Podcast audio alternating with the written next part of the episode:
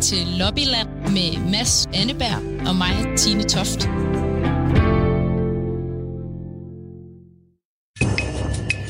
Coronavirus spreder sig ekstremt hurtigt. We will be successful if we work together. Fra i morgen, der lukker de danske grænser. The lack of solidarity. We will be reminded by the Italians. We are all in this moment Italians. Velkommen til øh, en øh, lidt speciel udgave af Lobbyland. Det har jo egentlig været specielt et stykke tid, fordi at øh, vi har sendt øh, fra to forskellige lande øh, fra vores stuer øh, nu i øh, jeg husker, hvor mange uger det er. Øh, og i dag så skal jeg så sende alene fra min stue. Øh, Mads kan desværre ikke være med, men heldigvis så har han øh, bidraget med et rigtig godt interview, som I skal glæde jer til at høre senere. Øhm, og det har han, fordi at vi øh, i nogle uger har været ret optaget af, hvad det egentlig er, Dansk Folkeparti mener om, hvorvidt Danmark skal ud af EU eller ej. Og det skal vi tale om i dag, fordi øh, i maj 2019, øh, da der var partilederdebatter øh, op til valget, øh, der øh, sagde Christian Thulesen Dahl, altså formanden for Dansk Folkeparti, nej, da han blev spurgt, om Danmark skal ud af EU. Skal Danmark ud af EU, ja eller nej? Nej. For to uger siden, så kom Søren Espersen så med en YouTube-video for lige at klargøre, hvor det egentlig er, DF ligger. Jeg gentager. Dansk Folkeparti mener, at Danmark skal ud af EU. Og her før weekenden, så øh, kom Pia Kærsgaard også ind i kampen. Lad mig sige det helt klart. Vi ønsker den samme ordning, som Storbritannien har fået. Så efter de her meldinger fra toppen i Dansk Folkeparti, hvad mener DF så egentlig? Det har Mads Anneberg talt med EU-ordføreren Morten Messerschmidt om. Men det er da klart, altså man kan jo forestille sig alle mulige scenarier. Øhm, og det er også derfor, man ikke bare kan sige sådan ja eller nej, øhm, skal Danmark ud af EU, fordi det handler om, du spørger du om, om i morgen, eller spørger du om på sigt, eller spørger du om øh, uden, uanset hvad, eller spørger du under betingelse af. Det, der, der er forskellige svar på de spørgsmål. Vi kommer altså til at tale øh, ret meget om Dansk Folkeparti øh, i det her program. Øh, og til sidst i programmet, så skal vi også lige forbi en meget underlig sag om øh, kinesisk censur. Øh, fordi Kina nemlig meget konkret har været inde og censurere øh, en sætning øh, fra de 27 EU-lande. Og det har skabt en del ballade, som vi skal tale om øh, senere i timen. Men først så skal vi lige forbi øh, noget af det, øh, vi alle sammen, jeg ved i hvert fald, jeg går rigtig meget op i det, øh, nemlig hvor vi kan komme på sommerferie hen.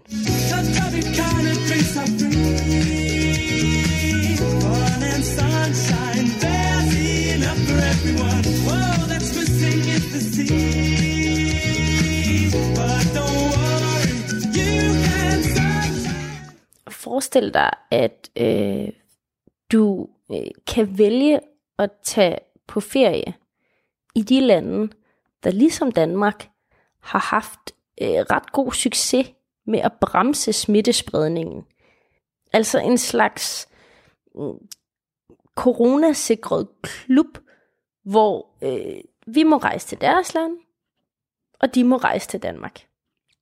Hvis du synes, det lyder som en god idé, øh, så øh, bliver du måske glad for at høre, at det har der været snak om øh, i øh, den seneste uges tid mellem nogle af landene. Altså en slags bilaterale aftaler. Fordi øh, det kan godt være, at Mette Frederiksen øh, har udskudt øh, spørgsmålet om, hvorvidt vi skal åbne vores grænser til 1. juni. Men hun taler altså alligevel med andre lande om at åbne sådan en slags rejsekorridor. Øh, så vi kan komme på ferie, selvfølgelig fordi øh, turismen betyder ekstremt meget for økonomien. Og hvis der er noget, vi har talt om her i programmet, så er det jo, hvordan øh, EU måske forgæves har forsøgt at koordinere, hvordan de forskellige lande skal øh, håndtere corona. Men EU vil så gerne ind og koordinere det her, altså turismen. Og derfor så kommer der øh, onsdag i dag, når du hører det her, en turismepakke fra EU. Og øh, der er flere ting på spil i den pakke, og vi kan selvfølgelig ikke helt med sikkerhed sige, hvad der er i den endnu. Men der har været tale om at harmonisere og koordinere genåbningen. Øhm, og det er selvfølgelig fordi, at EU faktisk ikke kan gå ind og bestemme, hvad landene skal gøre her. Det er stadig de enkelte staters øh, totale kompetenceområde. Men EU kan forsøge at henstille til, at man koordinerer det. Øhm, og det bliver ekstra vigtigt nu, hvor nogle lande begynder at gå ind og lave særaftaler. Det sker for eksempel øh, i sidste uge, hvor øh, Kroatien og Slovenien for eksempel er enige om, at slovenere kan rejse til Kroatien uden karantænekrav, hvis de har ejendom i landet. Øhm, og Kroatien er på en eller anden måde blevet et ret centralt land i den her sommerferieplanlægning, fordi de også forhandler med lande som Tyskland og øh, øh, Tjekkiet og Ungarn om igen at lave sådan nogle øh, corona-korridorer for turister. Og det er altså også noget, vi har interesse i i Danmark, hvor spørgsmålet jo er, kan jeg komme til Gardasøen? Kan jeg komme til Mallorca? Kan jeg komme til Grækenland? Hvor kan jeg komme hen for at slippe ud af den her øh, for mangens vedkommende øh, lejlighed, jeg nærmest har været lukket inde i i, øh, i to måneder. Tænk, hvis man kunne komme til New Zealand, for eksempel, som har håndteret det her meget på samme måde som Danmark. Øh, så ville det måske være okay, hvis vi så omvendt siger, jamen du kan ikke komme til Italien. Øh, jeg ved ikke, hvor mange der i forvejen gerne vil det. Selvfølgelig i, i enkelte regioner øh, vil man måske holde sig lidt tilbage. Så mens der er en masse borgmestre, der presser på for at finde ud af, om vi ikke godt kan åbne grænsen til Tyskland, altså for at være sikker på, at der kommer tyske turister, så er det her med de så er det her med coronakorridorerne altså også noget, der er, i spil. Og en gang imellem, så har øh, journalister jo mulighed for at stille spørgsmål til øh, Margrethe Vestager, som er den danske kommissær øh, jo egentlig ikke for noget, der har med turisme at gøre, men man kan stille hende alle mulige spørgsmål, øh, og så svarer hun jo på bedste beskub på vegne af EU-kommissionen, som fremlægger den her pakke onsdag. Og her spurgte Mads altså ind til, om det, altså ind til, om Margrethe Vestager synes, at de her coronakorridorer er en god idé. Og det er et pressemøde, hvor der også er andre journalister, der stiller spørgsmål. Så det er altså ikke kun masses jyske røst, man kan høre stille spørgsmål til Margrethe Vestager i det her klip. Jeg tænkte på den her turisme sommerferiepakke, som øh, I kommer med på onsdag. Øh, der har været flere lande, som har talt om indbyrdes at åbne grænserne op for hinanden. Er det en god idé?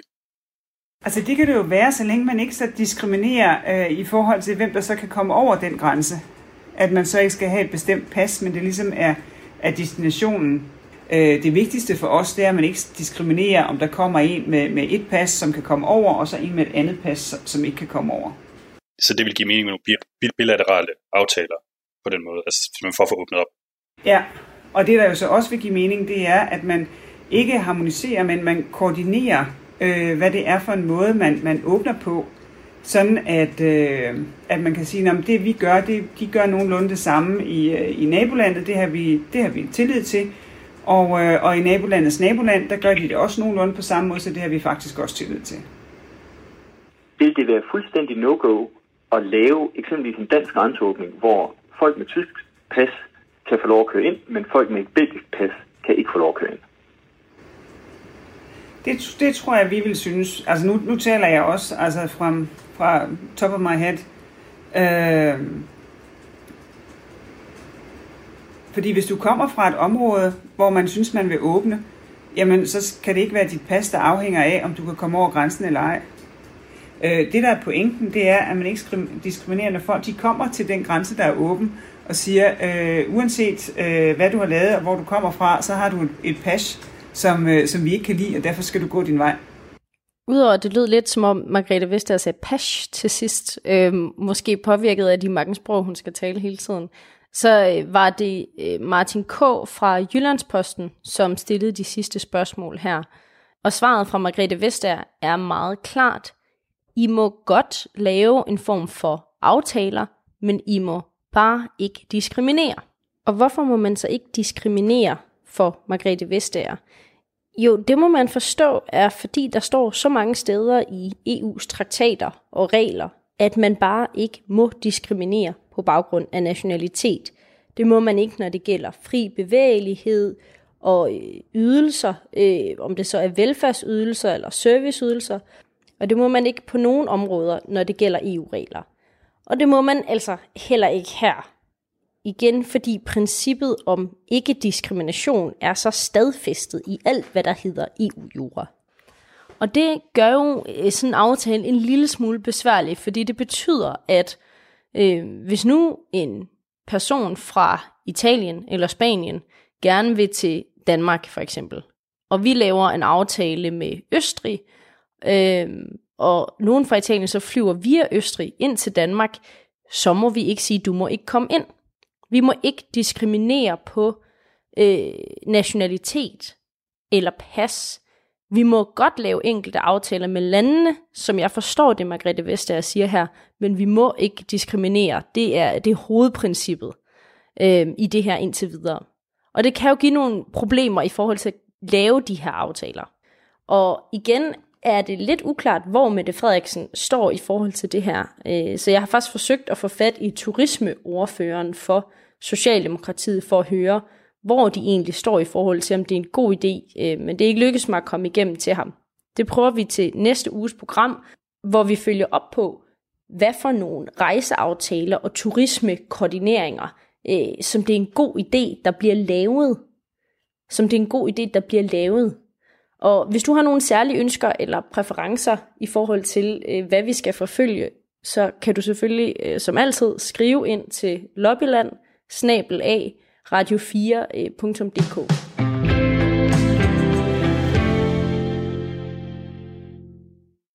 Og nu er vi altså nået til spørgsmålet om, hvorvidt Dansk Folkeparti mener, at Danmark skal ud af EU. Der er nemlig blevet skabt tvivl om, hvorvidt de mener det. I hvert fald så meget tvivl, at Søren Espersen følte et behov for at lægge en video ud på sin egen YouTube-kanal for to uger siden, hvor han sagde det her. Der er opstået en mærkelig myte i forhold til Dansk Folkeparti. Det er det, man kalder fake news, hvor det bliver sagt, at Dansk Folkeparti vil blive i EU. Og der er jeg nødt til at sige det meget, meget klart. Dansk Folkeparti mener, at Danmark skal ud af EU. Jeg gentager. Dansk Folkeparti mener, at Danmark skal ud af EU. Det er en irriterende myte, for den fortæller en forkert historie.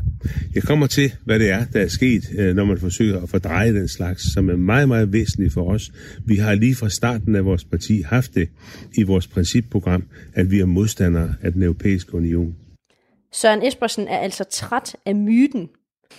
Og hvor kommer myten, som Søren Espersen kalder det, så fra? Jo, den kommer jo for eksempel fordi, at i maj 2019, øh, der sagde Christian Tulsendal nej, da han blev spurgt i en partilederdebat, om Danmark skal ud af EU. Jeg spiller lige klippet igen.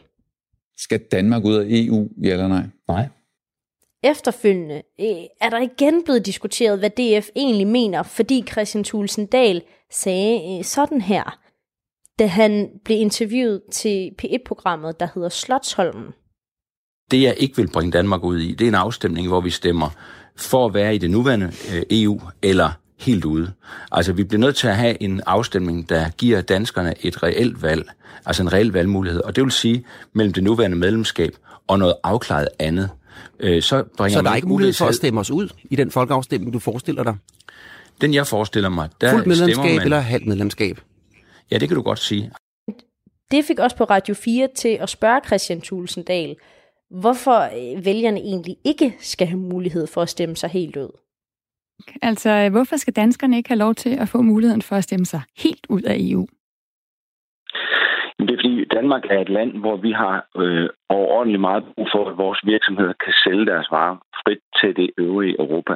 Og derfor det, vi forestiller os i Dansk Folkeparti, det er, at danskerne får en folkeafstemning, hvor man så kan stemme for det eksisterende medlemskab, eller en anden ordning, hvor vi garanterer, at vores virksomheder kan sælge varerne til, til det øvrige Europa.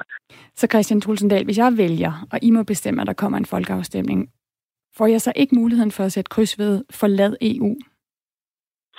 Nej, så vil det, øh, altså, det er ikke det, vi går efter. Fordi hvis man øh, i morgen fra dansk side forlod EU, så vil øh, vi også øh, få den situation, at vi ikke automatisk kan, kan sælge vores produkter syd for den dansk-tyske grænse.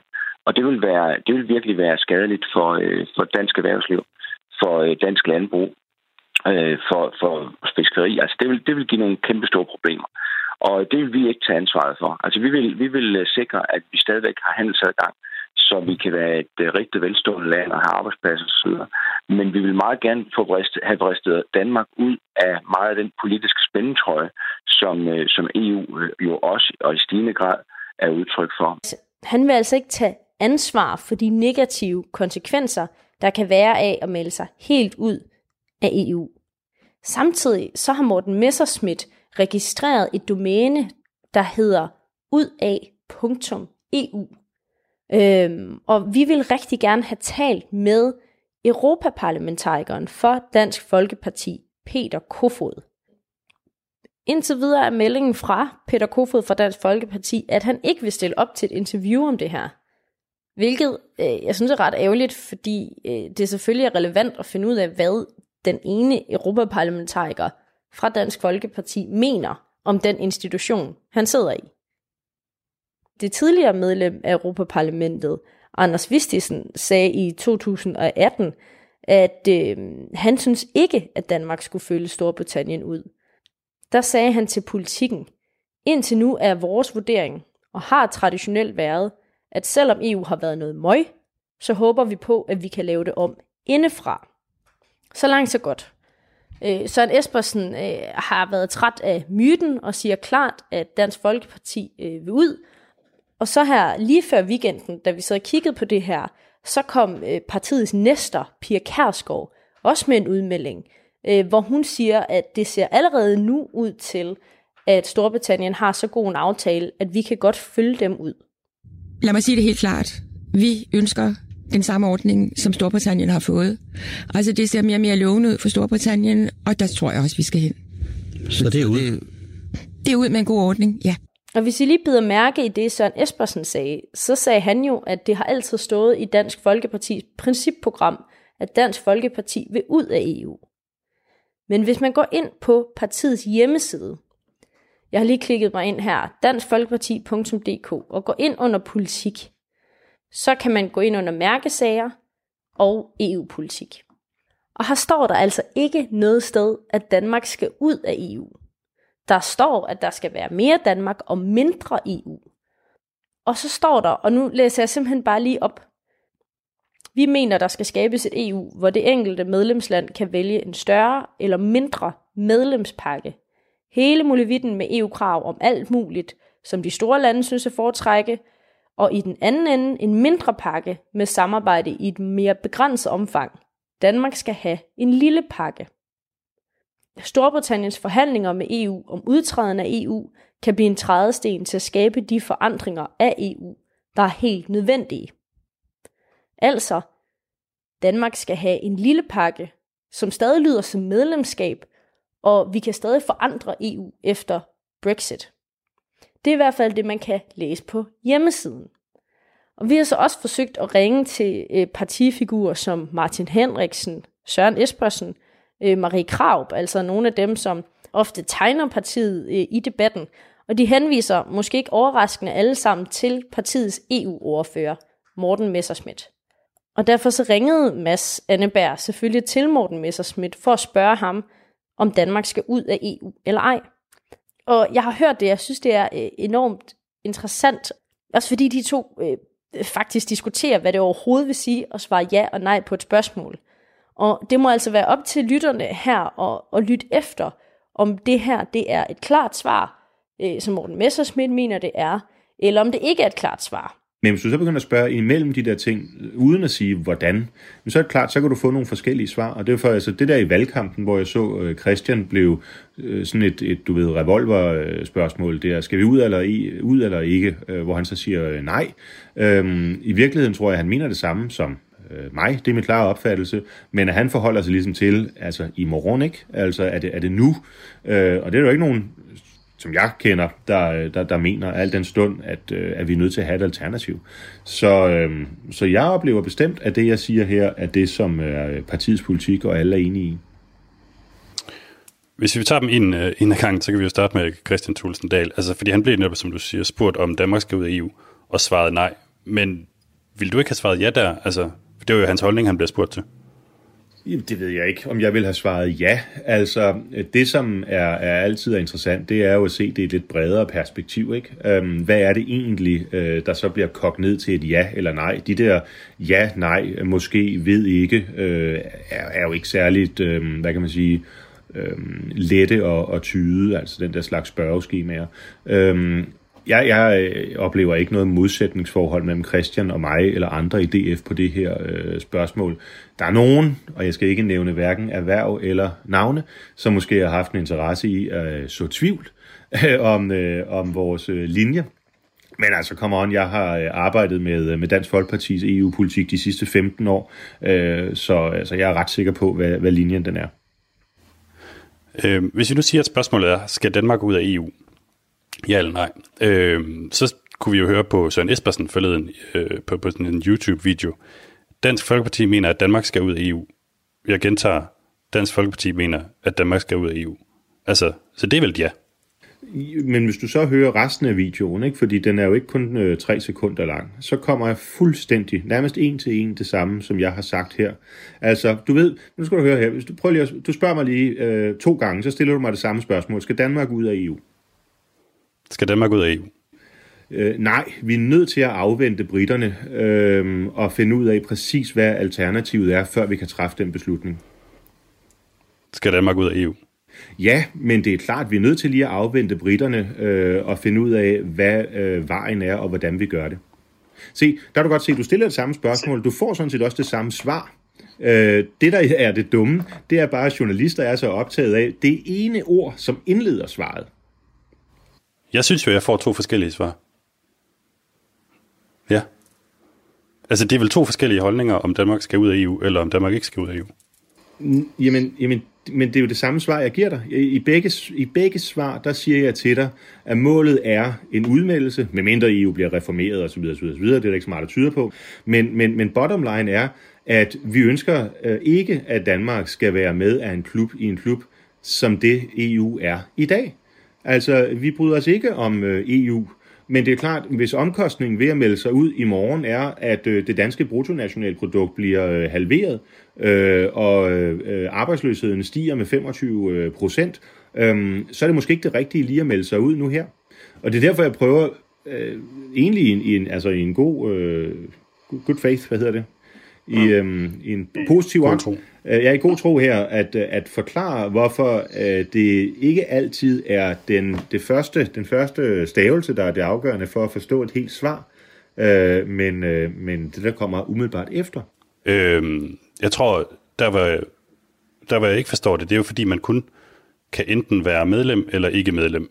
Altså at man ikke kan være begge dele på samme tid. Enten så er Danmark med i EU, eller også er Danmark ikke Både ja og nej. For, altså det har du sådan helt, helt firkantet jo ret i. Men øh, der er jo mange måder at medlem af EU. Altså nu, jeg, jeg er ikke tilhænger af dansk EU-medlemskab, men, men der er jo mange måder at være det. Ikke? Altså vi har en masse forbehold.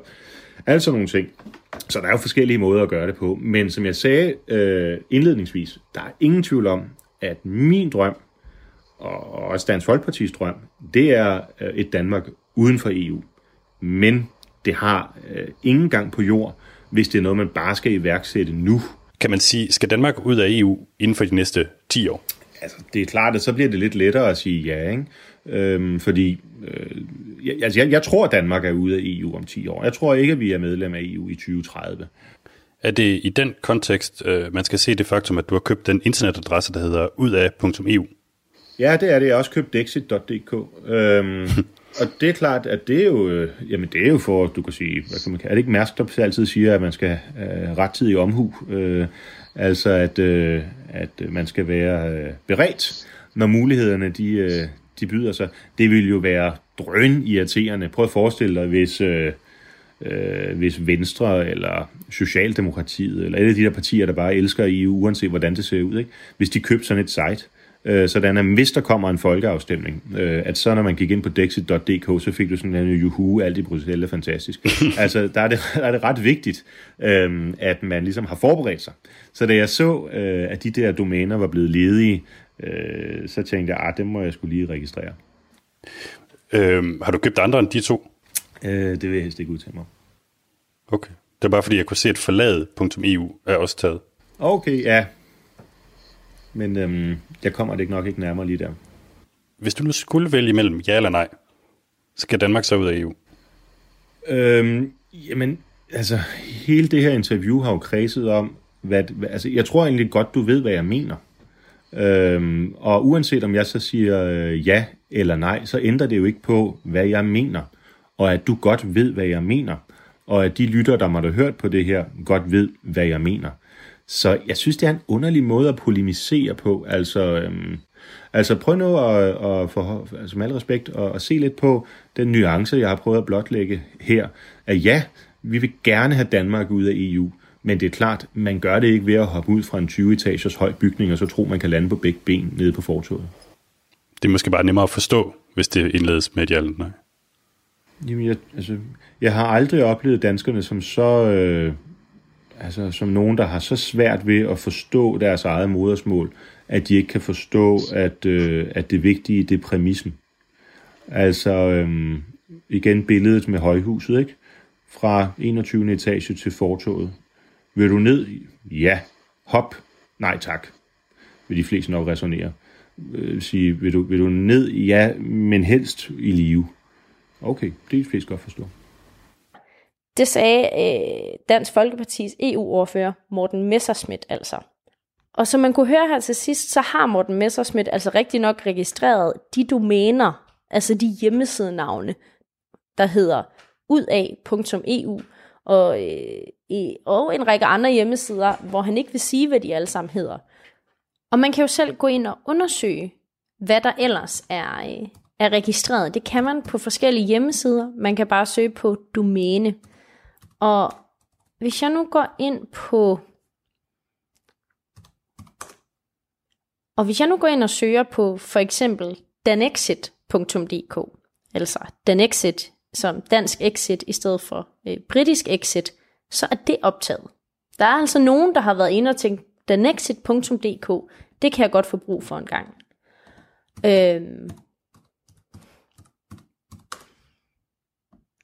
Og går man ind på hjemmesiderne, så er det altså ikke en hjemmeside endnu. Som Morten Messerschmidt siger, så er det noget, han for eksempel har købt for at forberede sig på, hvis nu der skulle komme en kampagne. Hvor det ville være rigtig træls, hvis der var nogen andre, der havde købt det domæne, man skal bruge.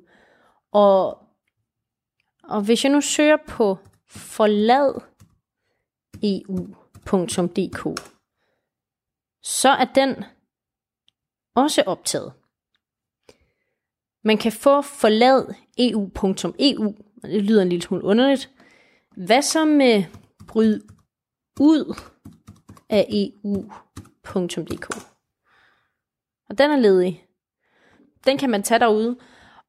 Og jeg har tænkt på, at hvis man øh, er et parti eller en gruppe, som gerne vil ud af EU, så vælger man nok ikke et, en engelsksproget hjemmeside som Break Free eller et eller andet i den dur. Det skal nok være et eller andet på dansk.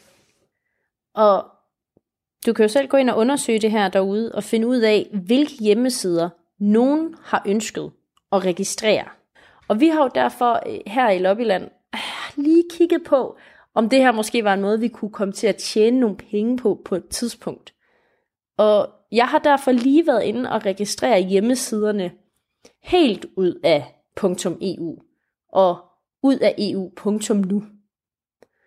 Hvis du sidder derude og selv har idéer til domæner, øh, som du måske kan tjene penge på, så kan du jo gå ind og registrere dem for relativt få penge. Og øh, Morten Messerschmidt, hvis du får lyst til på et tidspunkt at købe enten helt ud af .eu eller ud af EU.nu, så ved du i hvert fald, hvor du kan henvende dig. Og jeg tror, vi ender med at kunne betales enten i penge, eller ved at vi får et interview med Peter Kofod. Og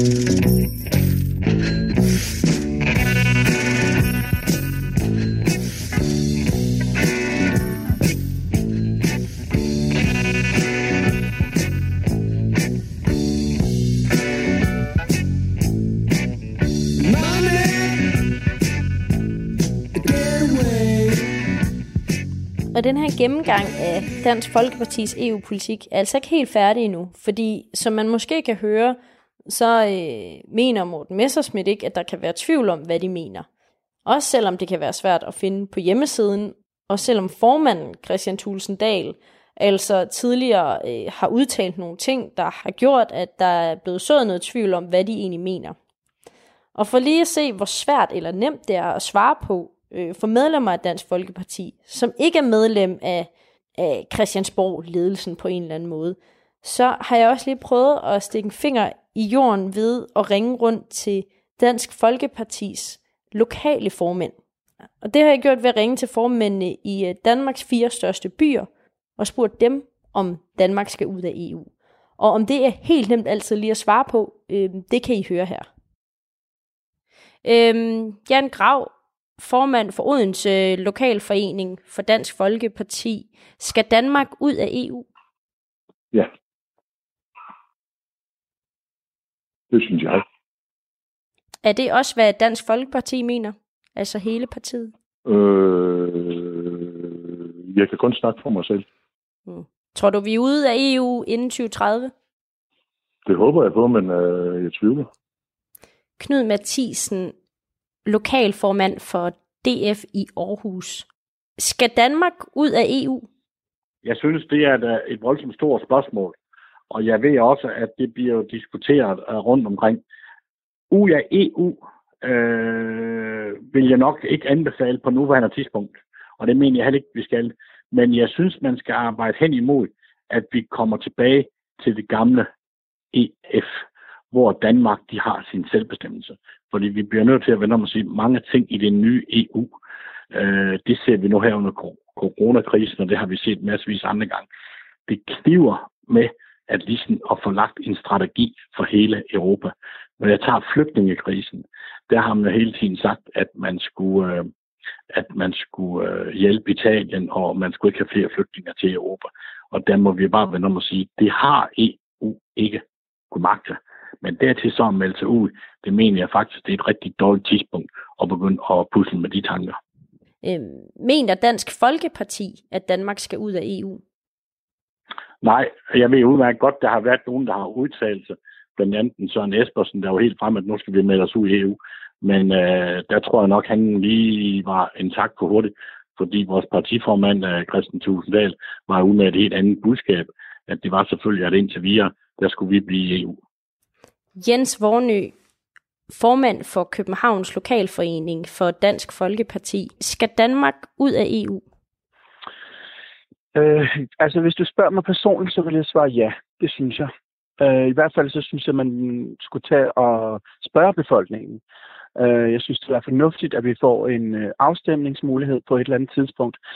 Øh, når du spørger, så spørger du selvfølgelig lige nu og her. Og der vil jeg selvfølgelig sige, at det er altid smart at lige se, hvordan er den aftale skruet sammen, som englænderne får. Det er jeg meget enig i. Altså, det er jo altid godt, at man har noget at sammenligne med, så danskerne også ved, hvad er det, vi skal stemme om. Altså, er der et alternativ til EU? Øh, og det tror jeg faktisk, at der er. Øh, og derfor så tror jeg også på, at det er fornuftigt nok at spørge os, men vi må lige have den her aftale på plads med, øh, med England. Det synes jeg lyder meget fornuftigt. Hvad mener partiet om, om Danmark skal ud af EU? Jamen altså, Dansk Folkeparti har jo været ude at sige, at vi ønsker en afstemning. Og øh, vi ønsker jo, at der bliver spurgt til befolkningen med, hvad, hvad mener danskerne? Øh, og vi har også sagt, ligesom jeg siger, at det er fornuftigt nok at lige se på det her grundlag, vi skal stemme om, i forhold til, hvad er det, vi kan få. Altså, en ting er, at vi kan stemme os ud. Det er jo fornuftigt nok, synes jeg. Men hvad er det, vi så siger ja til i stedet? Er der allerede et alternativ? Er der en aftale, som for eksempel man har, den man får i England? Kunne det være den samme model, som man kunne sige, det er det, danskerne kunne få som en mulighed også? Øh, så synes jeg, det lyder meget mere fornuftigt, og så synes jeg også, det lyder som noget, man kan sige, jamen så er der et alternativ. Det er jo altid let nok at stemme sig ud, men hvad er det, vi så siger ja tak til? Det vil jeg rigtig gerne vide noget mere om. Så øh, det, og det er den holdning, som DF har. Tror du, Danmark går ud af EU inden 2030? Og det vil jeg ønske, at jeg kunne sige ja til. Hartvig Sørensen, formand for Dansk Folkeparti i Aalborg. Skal Danmark ud af EU? Altså, det er, jo, det er jo et af de der spørgsmål, man siger, det er jo 50-50, ja. Fordi at øh, EU øh, i nogle gange, synes jeg, bruger en, en frygtelig masse penge. Men omvendt, hvis du tager dem, der eksporterer til, til lande i EU, jamen, de er jo selvfølgelig være ked af at komme ud. Så det er, det er jo sådan et spørgsmål om for og imod. Og jeg kan ikke svare på helt 100 procent, hvad man skal og hvad man ikke skal. Jeg ved det simpelthen ikke. Okay. Og hvad mener øh, partiet Dansk Folkeparti? Skal Danmark ud af EU? Jamen, øh, hvis du spørger Søren Espersen, så siger han jo ja. Og øh, jeg ved ikke, om alle sammen de har samme mening. Det, det har jeg ingen idé om. Men øh, jeg ved ikke. Jeg, jeg, jeg, det ved jeg sgu ikke. Det kan ikke. Jeg kan simpelthen ikke svare dig på det. Jeg ved ikke. Det var altså alt fra Dansk Folkeparti i den her uge. Fordi selvom Peter Kofod, altså Dansk Folkepartis eneste medlem af Europaparlamentet, indtil videre har sagt nej til at deltage i et interview om det her, øh, så er det stadig en åben invitation, øh, Peter. Vi vil meget gerne have dig med, fordi vi mener, det er relevant, når vi skal stemme til de her valg om Europaparlamentet, hvad du mener øh, som medlem af institutionerne. For nu er det jo altså ikke Morten Messersmith, der sidder dernede mere, det er dig. Og øh, derfor håber jeg, at du skifter mening, og vil være med i et af de mange kommende programmer. Stolen eller telefonen er det i de her tider, er i hvert fald åben. Get up, stand up. Stand up for your right. Get up, stand up. Stand up for your right. Get up, stand up. Don't give up the fight. Ja, det vi skal tale om nu, det er, som jeg sagde til at starte med, frihedsrettigheder og kampen mod censur. Og det skal vi, fordi Kina nu for anden uge i træk har spøgt i, i Bruxelles i diskussionen om, hvorvidt EU lægger sig ned over for Kina for at fastholde en god relation. Og det, der er sket nu, det er simpelthen, at i anledningen af, at der nu i 45 år har været diplomatiske forbindelser mellem Kina og EU, så øh, vil alle EU 27 lande trykke en kronik i den avis, der hedder China Daily. Og øh, det er et engelsksproget dagblad, som er ejet af Kinas kommunistiske regeringsparti. Man kan altså selv gå ind og læse China Daily på engelsk. Mm, de har, øh, siger de selv, 200 millioner læsere på verdensplan. Og derfor så vil de 27 lande altså gerne trykke den her kronik. Her står der blandt andet, at det går rigtig godt med de diplomatiske forbindelser, og der skulle have været mange, mange flere møder og aftaler øh, på skinnerne. Men, og nu læser jeg det lige op, og så må du selv høre, om du kan høre, hvad der er blevet fjernet fra øh, den oprindelige kronik til den, som er godkendt og trygt i China Daily. I den oprindelige kronik, så står der, øh, men udbruddet af coronavirus i Kina og dens efterfølgende spredning til resten af verden over de næste tre måneder har øh, betydet, at planerne er sat på pause. Det var den oprindelige kronik. Men i den trygte kronik står der, men udbruddet af coronavirus har betydet, at øh, de eksisterende planer blev sat på pause. Forskellen er, at i den oprindelige kronik, så stod der altså, at corona startede i Kina, og derfra spredte sig til resten af verden over de næste tre måneder. Men det var altså for grov kost for China Daily, og derfor så ville de ændre det til, at der bare står øh, udbruddet af coronavirus. Altså uden at pointere, hvor corona er startet fra. En ret konkret form for censur, som måske ikke overraskende har skabt en masse palaver. Fordi den her ændring blev accepteret af EU's udenrigstjeneste i Kina. Og til at starte med, så lød det så fra en talsperson øh, i EU-kommissionen, at, at de med meget modvilje besluttede at godkende den ændring, men alligevel offentliggøre kronikken, fordi der også står nogle vigtige ting om EU's hovedprioriteter, som klimaforandringer og menneskerettigheder. Øhm, så altså, det er en lidt en skam, men øh, hvis vi skal have snedet en masse ind, så må man nogle gange lige acceptere at øh, klippe en her eller hakke en tå, hvis man vil i en kinesisk avis, lød øh, budskabet først. Altså, der er censur i Kina, og det kan vi simpelthen ikke gøre noget ved. Øh, og så skulle man måske tro, at den skid var slået, men det var ikke tilfældet. Fordi der er jo 27 medunderskrivere på den her kronik, altså alle landene. og også Danmark. Men problemet er, at EU's udenrigstjeneste i Kina har sagt ja til at lægge under for censur, men lige har glemt at spørge øh, derhjemme til vores udenrigsminister Jeppe Kofod, hey, er det okay, at vi lige øh, accepterer, at Kina censurerer vores kronik? Øhm, og i et svar, så har Udenrigsministeriet skrevet til os her på Lobbyland, øhm, og har læser jeg igen op fra et skriftligt svar. Udenrigsministeriet oplyser, at den danske ambassade i Beijing ikke har været involveret i beslutningen om accept af publicering af en redigeret version af den omtalte kronik. Den danske ambassade i Beijing har i lyset af dansk overraskelse og forundring over forløbet og de særlige omstændigheder, ligesom øvrige EU-landes ambassadører offentliggjort den fuldstændige kronik på sin hjemmeside. Altså, det er til overraskelse for landene selv, at der er blevet redigeret i kronikken, og de er utilfredse med det. Øh, så peger pilen altså tilbage på EU-kommissionen og på en øh, helt specifik person. Og den person hedder Nicolas Chapuis. Jeg ved ikke helt, hvordan man udtaler det, men han er meget fransk. Og han er altså EU's repræsentant i Kina. Og det er altså ham, der, uden at have spurgt de andre, er gået med til det. Og hvor det først lød fra EU-kommissionen, at sådan må det være, øh, det kan vi ikke gøre noget ved, så ændrede de ret hurtigt svar til, at det var en fejl. Øhm, og her citerer jeg fra en talsperson, som EU-kommissionen jo har flere af, og hun siger nu, beslutningen blev taget under tidspres, og det var ikke den rigtige beslutning at tage. Det er så sket efter pres fra landene, som ikke vil have siddende på sig, at de bare øh, godkender censur fra Kina. Og det har for første gang i Lobbylands historie givet os anledning til at ringe til et af de nyeste medlemmer af Europaparlamentet for Socialdemokratiet.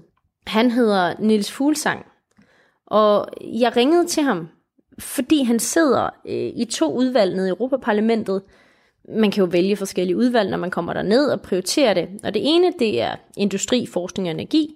Og det andet udvalg, Nils Fuglsang sidder i, det er delegationen for forbindelserne med Folkerepublikken Kina. Og jeg ringede egentlig for at stikke lidt til ham, for at finde ud af, hvad sådan et udvalg egentlig kan gøre, og om ham her øh, franskmanden skal fyres. Øh, det har formanden for det her Kina-udvalg nemlig sagt. Og jeg ved ikke, om man kan høre det, men han bed ikke helt på. I Kina der er jo censur, det er en velkendt sag, og vi kan jo selvfølgelig ikke styre, hvordan det foregår i Kina, men jeg synes, at når man er afsender, når EU er afsender på et budskab, så, øh, så synes jeg ikke, man skal gå, gå med til ændringer af substantiel art.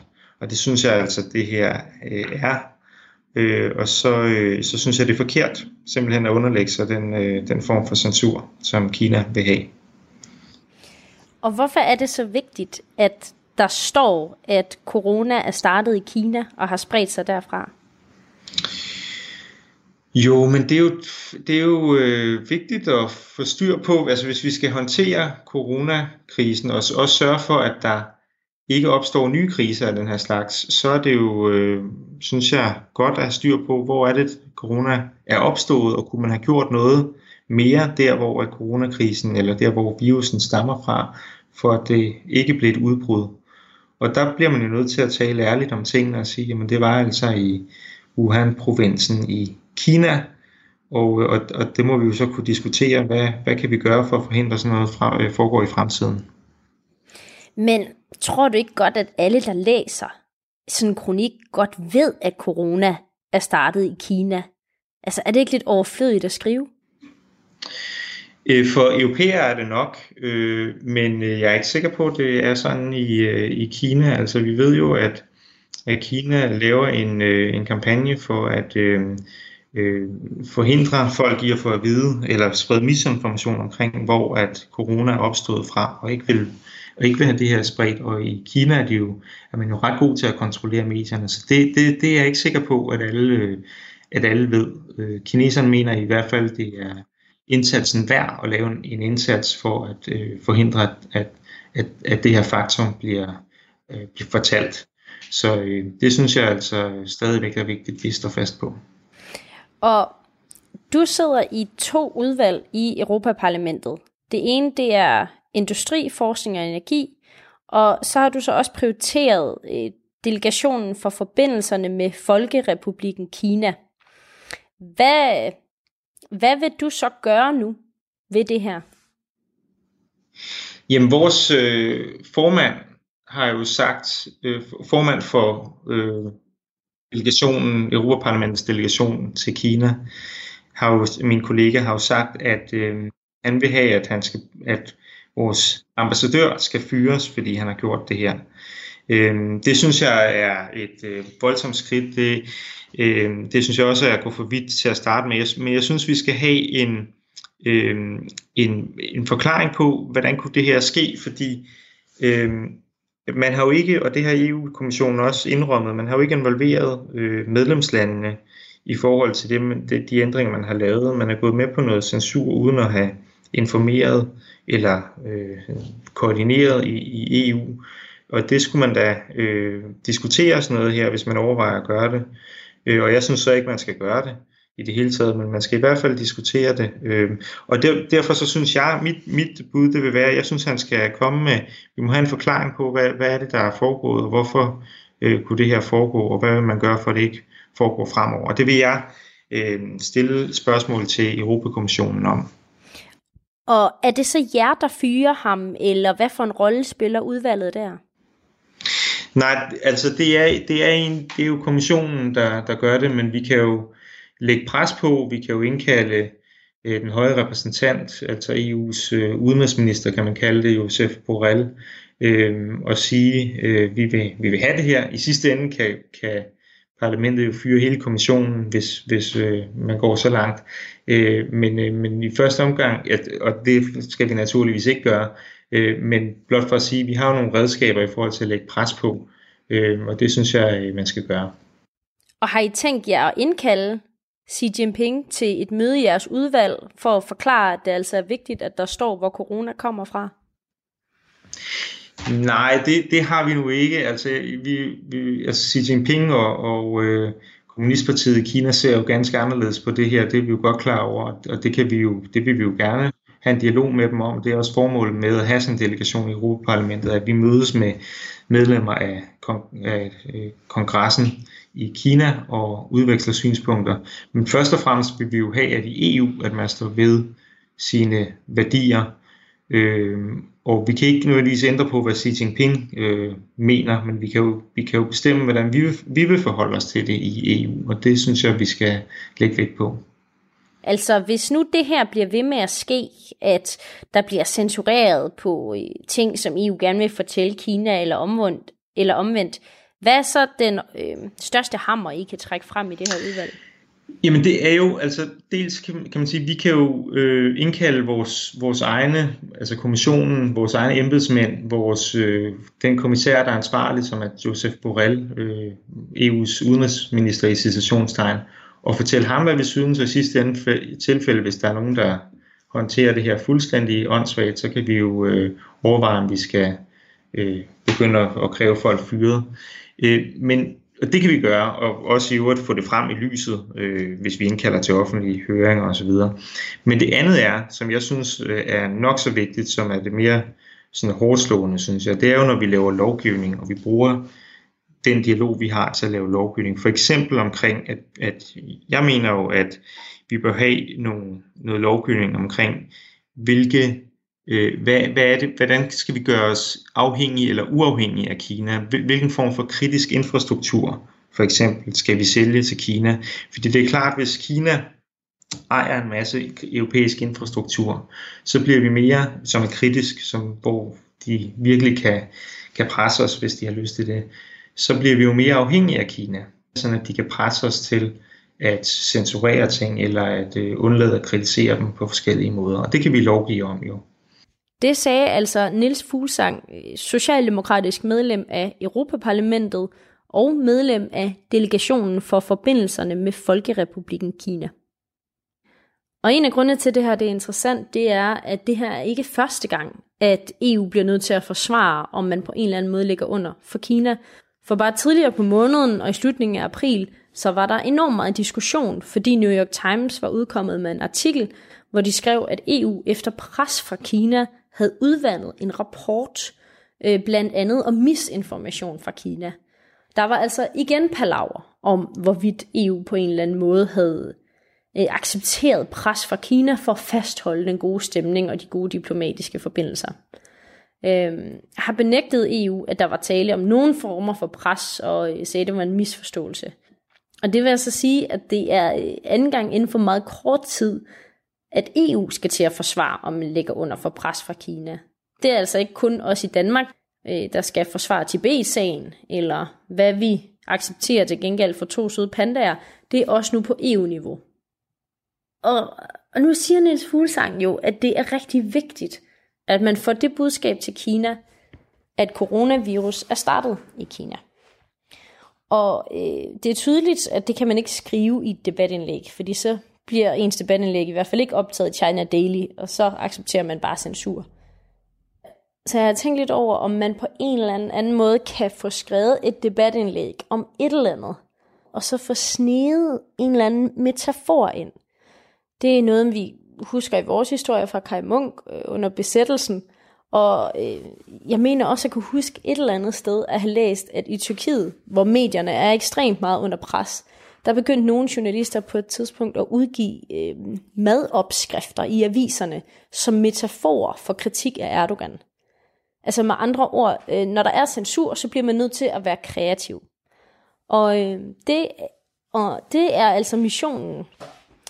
Og jeg spurgte faktisk også Niels Fuglsang, om øh, han har nogle idéer til, hvordan vi måske kunne komme omkring den del. Der har jo før været øh, sager i herhjemme med Kai Munk eller andre, hvor man har brugt metaforer for at få snedet noget ind øh, under censur. Vi har lidt overvejet at sende et debatindlæg selv afsted, men jeg ved ikke rigtig, hvad der ville være en god metafor for corona startede i Kina. Har du nogle gode idéer til det, hvis man skulle snige den forbi Kommunistpartiet? Det er et godt spørgsmål, Tine. Det synes jeg lyder som en spændende idé, det der, og øh, det tror jeg da også er en, er en god idé for kinesiske debattører, som jo er også underlagt censur i Kina at bruge. Øh, jeg må indrømme, jeg har ikke lige den gyldne idé til det, men, men kan man ikke, er der ikke nogen metaforer for Kina, altså for Kina, hvad, hvad, hvad, er der et, øh, nu, man siger jo bjørn, den russiske bjørn, jeg ved ikke, om man siger den kinesiske et eller andet, om man kan øh, lave et, som man, ikke, som man taler om, om Kina, men, men på overfladen taler om noget andet. Ja, måske den kinesiske tiger. Måske, ja. Det kan godt være, man siger det. Det kan også være, at man kan snige noget ind ved at skrive øh, corona, som startede i det mest fantastiske land og den største økonomi, eller et eller andet, den dur. Ja, med den, med den, større, med den bedste leder, som, som vi alle sammen lytter til, som er evigvis. Øh, så, og der startede corona, måske tilfældigvis. Det var ikke hans skyld, men det, det var sådan, det var. Noget den stil måske. og hvordan vi så lige kommer afsted med at skrive et debatindlæg øh, til China Daily, hvor vi metaforisk eller i en form for kodesprog kan få sned ind, at corona er startet i Kina, Både så folk forstår det, men også så det kan slippe igennem. Det øh, bliver simpelthen nødt til at vente med til næste uge, hvor masser er tilbage, og vi kan arbejde på det sammen.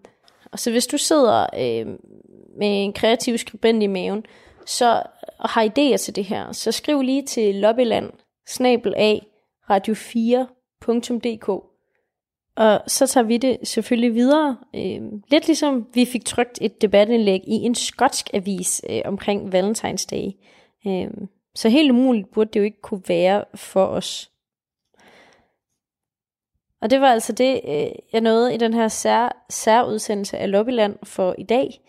Øh, uden Mads Anneberg, som øh, stadig sidder fast et eller andet sted i Belgien. Og hvis du undrer dig over, at der måske er lige lovlig meget musik i programmet i dag, så er det altså fordi, det er en lille smule underligt at tale så meget selv om de her emner, når jeg er vant til, at masser og jeg kan diskutere dem på en eller anden måde. Så jeg tænker egentlig også bare, at vi slutter af med resten af en af de gode sange, som jeg lige nåede at spille en teaser af til at starte med. Tak for i dag.